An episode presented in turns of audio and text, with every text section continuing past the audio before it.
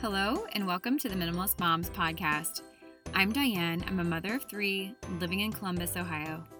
I'm trying to make room in my life for what matters by getting rid of the clutter and living life with purpose. I hope you'll join me on the journey to think more and do with less. Today, I bring you a new episode in the series called The Minimalist Mom Spotlight. This series focuses on real minimalist moms.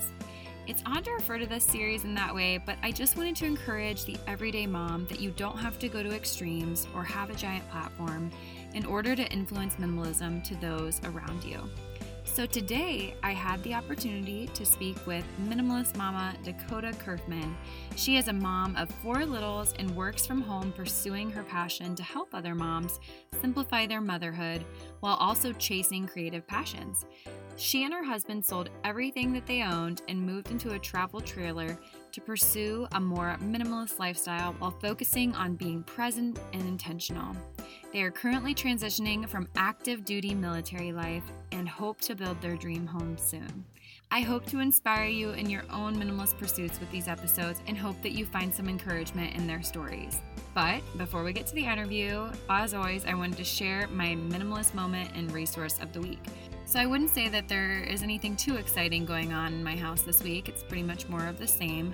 But I was finally able to take the five bags from my basement that I had gotten together at the beginning of quarantine, and they have just been sitting in my basement for all of these months. So I was really looking forward to the donation centers opening back up, and they had. So I took Charlotte's donations from last week that she had gotten from her closet. I talked to you guys about that on the last Minimalist Mom Spotlight episode. But I took that, and then I took the bags that I had, and it just felt so good to be done with them. And hopefully, what's the saying? One man's trash or another man's treasure. So hopefully, someone will find something in the things that we have gently loved and are now ready to part ways with. So I've actually already started to see a few things that I wish that I would have put in the bag. So I need to get another bag started and hopefully I'll have some more to donate at the end of summer. As for my minimalist resource, I wanted to share a podcast that I have actually been listening since really the beginning. It's called Find the Magic, and it's hosted by Felicia Allen and Teralyn Griffin. And as I said, I've been really loving this podcast since it started, and I actually had the opportunity to be a guest on an episode called Simplifying Our Lives Through the Beauty of Minimalism. And some of my favorite episodes are Habits for High Performance, Parenting Boys, both part one and part two. And then one that I felt was quite life changing to me called Make Your Morning Routine Happen.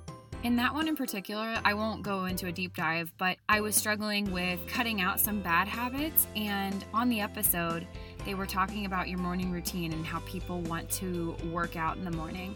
And they said if you have someone that is looking forward to meeting you in the morning for a workout, you wouldn't let them down you are consistent in your behaviors, you consistently show up. And yet, with ourselves, we aren't consistent. When the alarm goes off, we hit snooze and we don't get up. So, they talked about how your brain isn't likely to trust you, and your brain going into starting a new habit already has distrust because you haven't shown up, you haven't been consistent. And they just stated simply if you weren't to show up for your friend repeatedly, that your friend probably wouldn't be too happy with you, and I don't think you'd have a workout buddy for much longer. So, anyways, I hope that makes sense. Um, it just really spoke to me and some of the habits that I have been trying to cultivate. It was mostly, I'll just be honest, it was mostly with struggling to not eat late in the evening.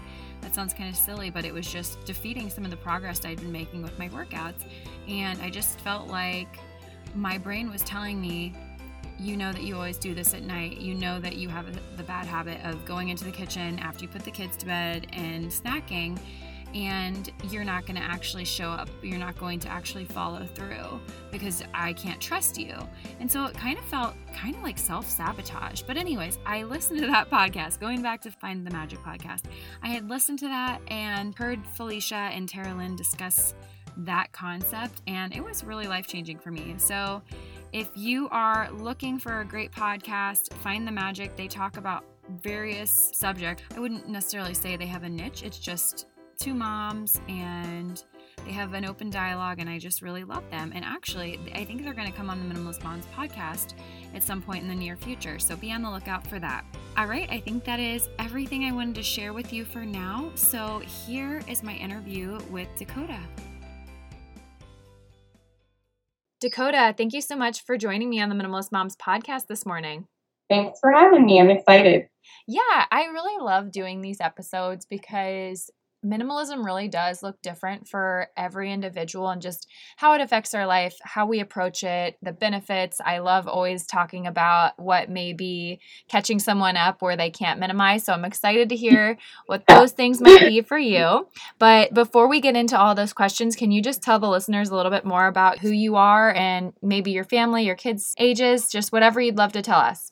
Sure. Um, so my name's Dakota. Uh, I have four little ones. My twins are four, and then I have a boy. I, call him my bonus because he's in between.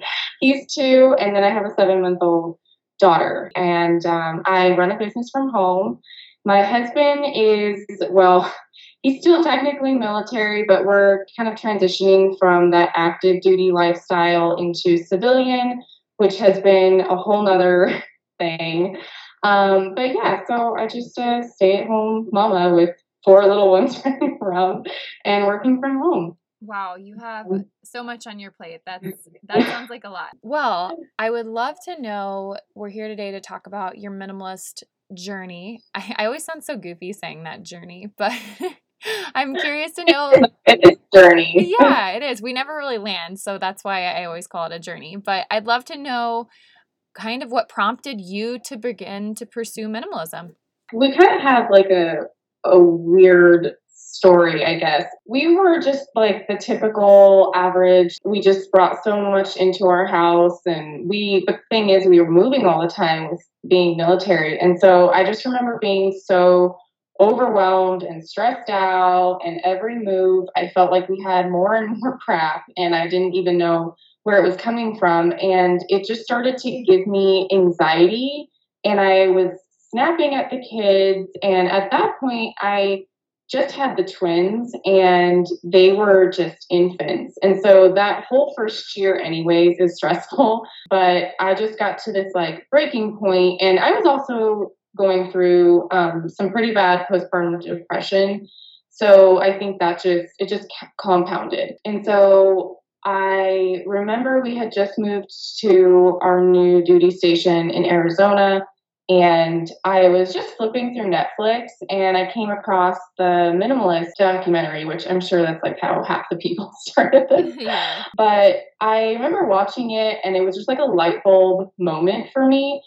And I just, from then on, decided that I was going to try and minimize what we had and what we brought in and I didn't really get I mean, I feel like it was such a long process for me. Like, it wasn't just like, oh, I watched this video and now tomorrow everything is going to be, um, you know, we're going to be minimalist. Like, it took a couple of years for mm-hmm. us to really get into it. Mm-hmm. It was a very slow, slow integration into minimalism. But I think the really big turning point for me where I was like, okay, I can't stop. I mean, I kept falling off the wagon and like we kept, you know, bringing stuff in. And I think the moment that I was just really done, done was I was pregnant with my daughter and we went on vacation and I was in the hotel room and everybody is sleeping. Everybody actually had a really good day that day which is rare with three kids. And I was just laying in bed and I was just so anxious. Like I couldn't fall asleep.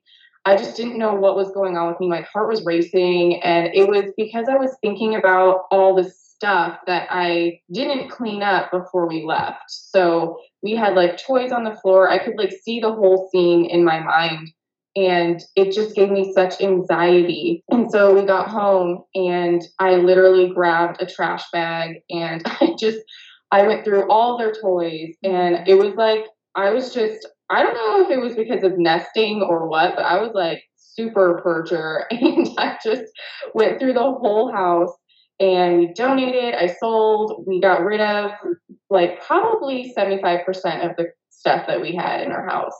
And the weight that was lifted was, I mean, it was life changing. As that sounds silly, but mm-hmm. it really was. And I just felt so much lighter and so much happier. And so I'm just kind of addicted to minimalism now. Mm-hmm. So yeah, that's that's kind of how we got started on that. It is so true because we never expect that our things, at least when I first started pursuing minimalism, I never realized how much of a weight my possessions had on me.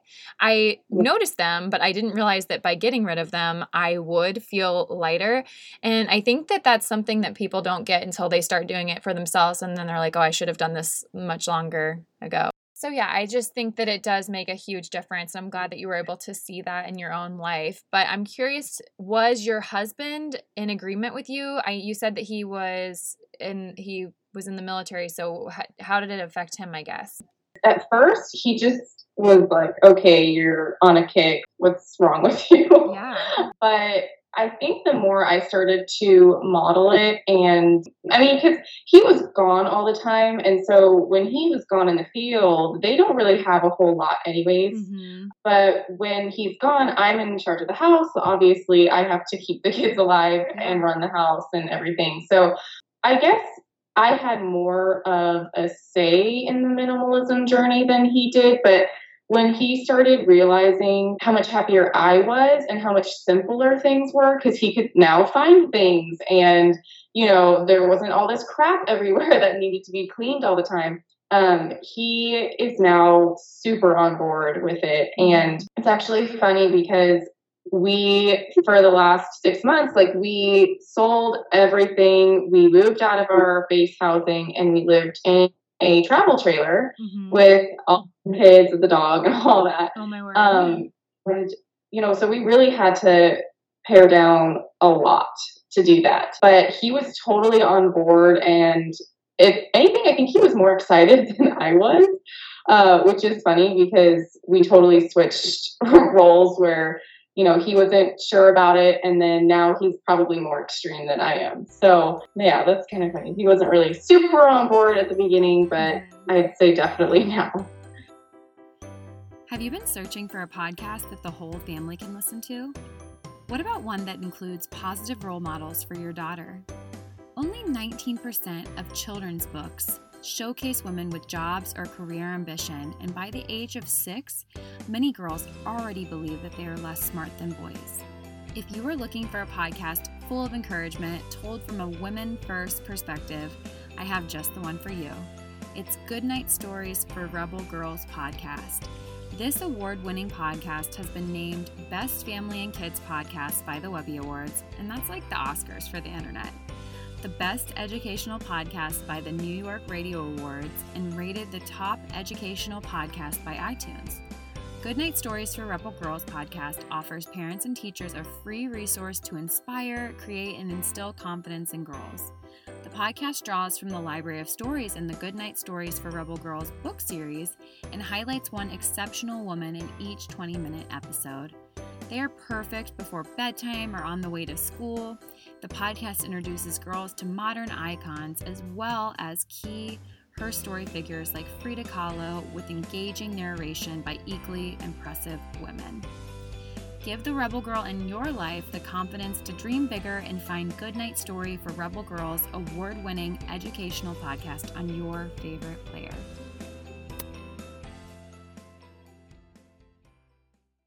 Yeah, it's funny. I've actually had a handful of moms come on the Minimalist Mom Spotlight episodes, and they are military wives as well, military families. And I wonder if, I don't know, I just wonder if with their husbands or just anyone that is in the service, if they are used to living with less. So it probably isn't like a huge transition for them to live their day to day like that because they have so few things when they are serving, you know? Right. And I think that is a huge part of it because you know, when he would go into the field or even deployments, like they have a couple of bags and that's everything really that they need. You know, they're not going to bring along, you know, stuff that they don't need because then it's just a heavier pack to carry or, yeah. you know, just room that they could have had for something they actually will use. So, yeah, I think that's a huge part of it. Yeah, that really makes a lot of sense now that I'm sitting here just thinking that through. But what would you say that your proudest moment has been in relation to minimalism? I would probably say it has nothing to do with me. It would Mm-hmm. probably be my kids and my husband. The fact that, like I said, he wasn't super on board at the very beginning, and now he's, you know, probably leading leading the charge. Mm-hmm. Really, I think my kids because when I got rid of all the toys that they weren't using, um, they, I think, had started to respect their toys more. They Mm-hmm. just think that like now we have a toy system where they can have one box out at a time. And when they're done with that box they can put it back and grab whatever else they'd like. And they even my two year old knows that he has to clean up his cars if he wants to play with legos. Mm-hmm. and so i think that's probably my proudest moment is the fact that they don't ever really ask for things because they're content with what they have and if there is something that they phase out, like for example, if they just really are over playing with animals, then we do the one in, one out rule. So if they want to get rid of their animals, then I can, you know, we can go and get them the next toy that they're interested in. But I think it's important that they don't just have everything that they want. And I actually have a, or, uh, before I purged everything, um, they had gone into the playroom, which was also the living room at that time, Mm-hmm. and they dumped every single toy that they had owned onto the floor and they had no idea where to start like you could see that they were overwhelmed and like there was just so many options they would just like tear through it to find one thing Mm-hmm. and now you know they'll dump their box but they're playing with everything. Mm-hmm. And i think that's probably yeah i think that's probably my proudest moment Yeah, absolutely. I think that you've seen how beneficial it's been for your family. So I always I have to figure out what my proudest moment would be and think about it because I, I would assume probably something along the same lines or just the fact that I pursued minimalism in general. I'm just like, who, who am Well, that's you should be proud because it is not easy and especially when it comes to like sentimental items or Mhm, you know things that you just have and just you don't think about mhm. trying to minimize them until you actually like dig deeper it's Mhm. it's a process Mhm. so i would say that you should anybody should be proud for pursuing this because it's it's against the grain i feel like yeah. especially when you have family who's not on board or who doesn't understand Mhm. i think that it can make it even harder Yeah, I think that we just can be so radically different prior to minimalism and then it's like you get the ball rolling and it becomes just how much can I can get rid of? How much can I live without? I don't know.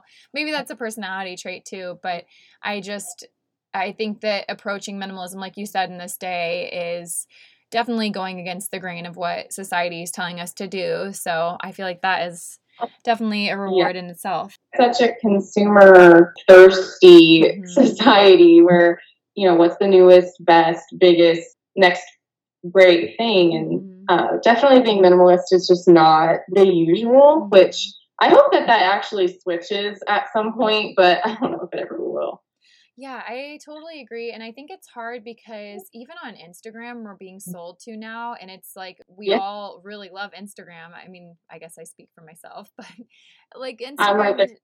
yeah, we're just on Instagram and we're now we can click in an image and purchase the item that the influencer is wearing. And so I do think it's slightly harder because when I first started my minimalist pursuit, it was just stay out of the stores. I don't, I'm not going to go to the mall. I'm not going to I'm just going to stay away. And then it's kind of like out of sight, out of mind. But now, something that I use not only for my podcast business, but just in my day to day, it's I'm seeing these things that are appealing. And so I have to remember and get into the right frame of mind of what are your goals, what are your values. And I really have to put those in the forefront of my mind, or else I feel like it'd be so easy just to go down the slippery slope of seeing all these things that I don't have. well and it's another thing too is the comparison game is Mhm. well she has this so she must be a better mom or she you know it, it's just you really have to be conscious about Mhm. um, like you said, your values and um, you know what you bring into your home because it is. It's so easy to just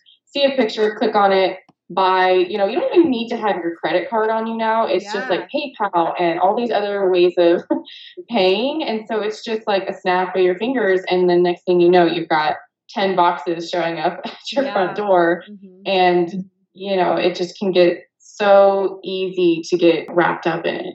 Yeah, I absolutely agree.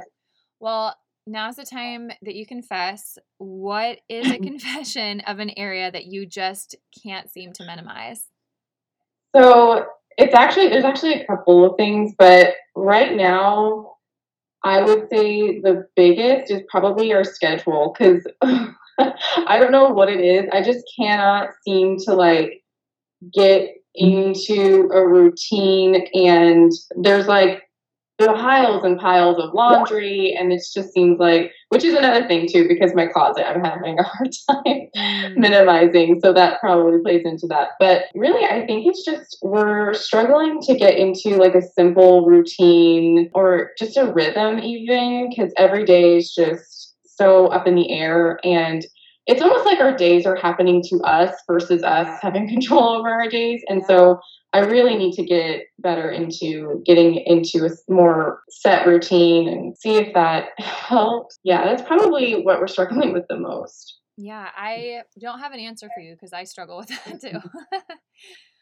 I know. I feel like before COVID, we at least had like benchmarkers throughout the day where I knew at this time to this time we had to be at OT mm-hmm. or we mm-hmm. had to be at beach. And so like that kind of helped structure our days. But now that my husband is home and the kids are all home all the time and there's no therapies and we just I, it's like we have no idea what to do with our days, yeah. which I, I, it's a blessing to have my husband home because he was never home before. So mm-hmm. um, it's great that he's here. It's just we aren't used to being. It sounds silly we're married, but we're not used to being in the same house mm-hmm. all the time together, and mm-hmm. so we have to like integrate our schedules mm-hmm. and routines and. So we're just trying to figure that out, which it's so funny because you would think because we're married that we be used to being together all the time, but it was kind of the opposite because he was always at trainings or you know working or whatever. So yeah, my husband um he's a teacher and so he is obviously gone from that 7 to 4 period, but then he also has a little side hustle on top of that with tutoring and so I felt like at one point within the last year we were just two ships passing in the night and so right. he's been home with me here and doing all of his business from home and teaching from home and so yeah you definitely have to learn how to navigate with the other person there. But all that to say i think that like we were pretty good with routines for the mm. first like month and a half of this and now things are i don't know where you, where did you say you're located? So we actually just recently moved my husband's contract was up in arizona so okay. we are actually in texas now. Oh okay. Yeah and so he's um, just trying to transition mm-hmm. from you know active duty to civilian. And so yeah we were just kind of in that transition period. But uh, i kind of agree. We had like the first month sort of down because uh, we were still in arizona. My husband still had to go to work here and there. Mm-hmm. but when we moved here i feel like everything just you know, because he's now he's in school to try to be a fireman and EMT. So now that he's doing that from home and I'm working from home, we have to try and, you know, schedule our time where he has time to do his thing, I have time to do my thing, mm-hmm. but at the same time be together, which is hard because you know, I can't work while he's doing schoolwork and he, you know, vice versa. Mm-hmm. So mm-hmm. it's just been an interesting, like you said, almost like two ships passing in the night. It's like, okay, tag, you're in. Like, yeah. switch for the kids. Like, you know, so we just got to figure out what will work. Yeah, I think that I asked where you were too, just because I know things here in Ohio are are starting to open back up. We're not fully opened. Oh, actually, you know what? I think the majority of things are fully open, just like their capacities are still at fifty percent. So I'm right. still just mostly staying at home with my kids. Like they just opened zoos, but you have to have a time slot to go and like right. all the places that we have memberships to. It's just it's just a little bit chaotic. So I'm like I found some peace and I somewhat like I said of routines at home, but we used to include an outing every day in our routine. And so I've just kind of had to rework that time and I just going back to what your confession is and having a struggle with scheduling, I feel like a lot of us are just kind of in this okay, what does it look like in this period before things get completely back to normal, but we're not how it was, where nothing was. I just, I don't know how to navigate that right now. So it's like how my routine can't yeah. be shifting this much, like a month by month. It's too overwhelming. So it's in like, we're just in this constant state of transition. Yeah. Like things are constantly changing, especially with the pandemic. And actually, here in Texas, things are pretty much opened. Um, but we have a high risk um, household. We actually live with my grandmother and mm-hmm. my, you know, obviously having young kids, but I also have an autoimmune disease. Okay. So we really are trying to be as careful as possible yeah. because I feel like our whole house is the at risk population. Yeah. So yeah, things are open here, but we are just being more cautious and kind of laying low until we feel more comfortable with going out because we're having actually a surge in cases here in Texas. So I'm just trying to, I don't know, we're all just trying to do the best we can, I guess. Yeah, for sure, for sure. Well, is there anything else you'd like to leave listeners with? Just any words of encouragement or anything else you forgot to share within our time together? Um, really, I think the main thing that I always get asked is like, oh my gosh, how do you do it with a big family? Mm-hmm. And really, I guess it might be different because my kids are younger. Um, I do try to include them as much as possible, like my twins who are four, like they they have a little bit more of an understanding, but really it's just start small. It can be overwhelming. It was for me, and I think that's why it took so long for me to really get into it because I loved the idea of it, but I felt like I had no idea where to start. And so I would go all in in the kitchen and then I would just get so overwhelmed. I would stop and then I would get on the wagon again and I'd want to purge. But mm-hmm. I think just starting small, just anywhere, and just taking your time is a huge, huge thing. And I also think that if your kids are old enough to really get them involved because um, you don't want them to just think that some magical fairy came through and cleaned up mm-hmm. all of their stuff and did it for them. I think it's really important to get them involved in the process. Mm-hmm. And because I think I don't know, I can't speak for everybody, but my goal is to raise kids who are minimalist and value their possessions and, you know, all of that. So, mm-hmm. in order to do that, they have to be involved. Mm-hmm. Um, and really, like, just follow your heart. I mean, if something doesn't seem right to get rid of, then don't get rid of it. Everybody has their own thing that makes them happy. Um, so yeah, I don't know, just follow your heart. Yeah, I totally agree. And even if a younger child, just having them choose, okay, we're getting a new stuffed animal, why don't we choose one that we're ready to gift to another family? Involving them in those small ways, like you said, it, it is very helpful, I think, for the long term. But...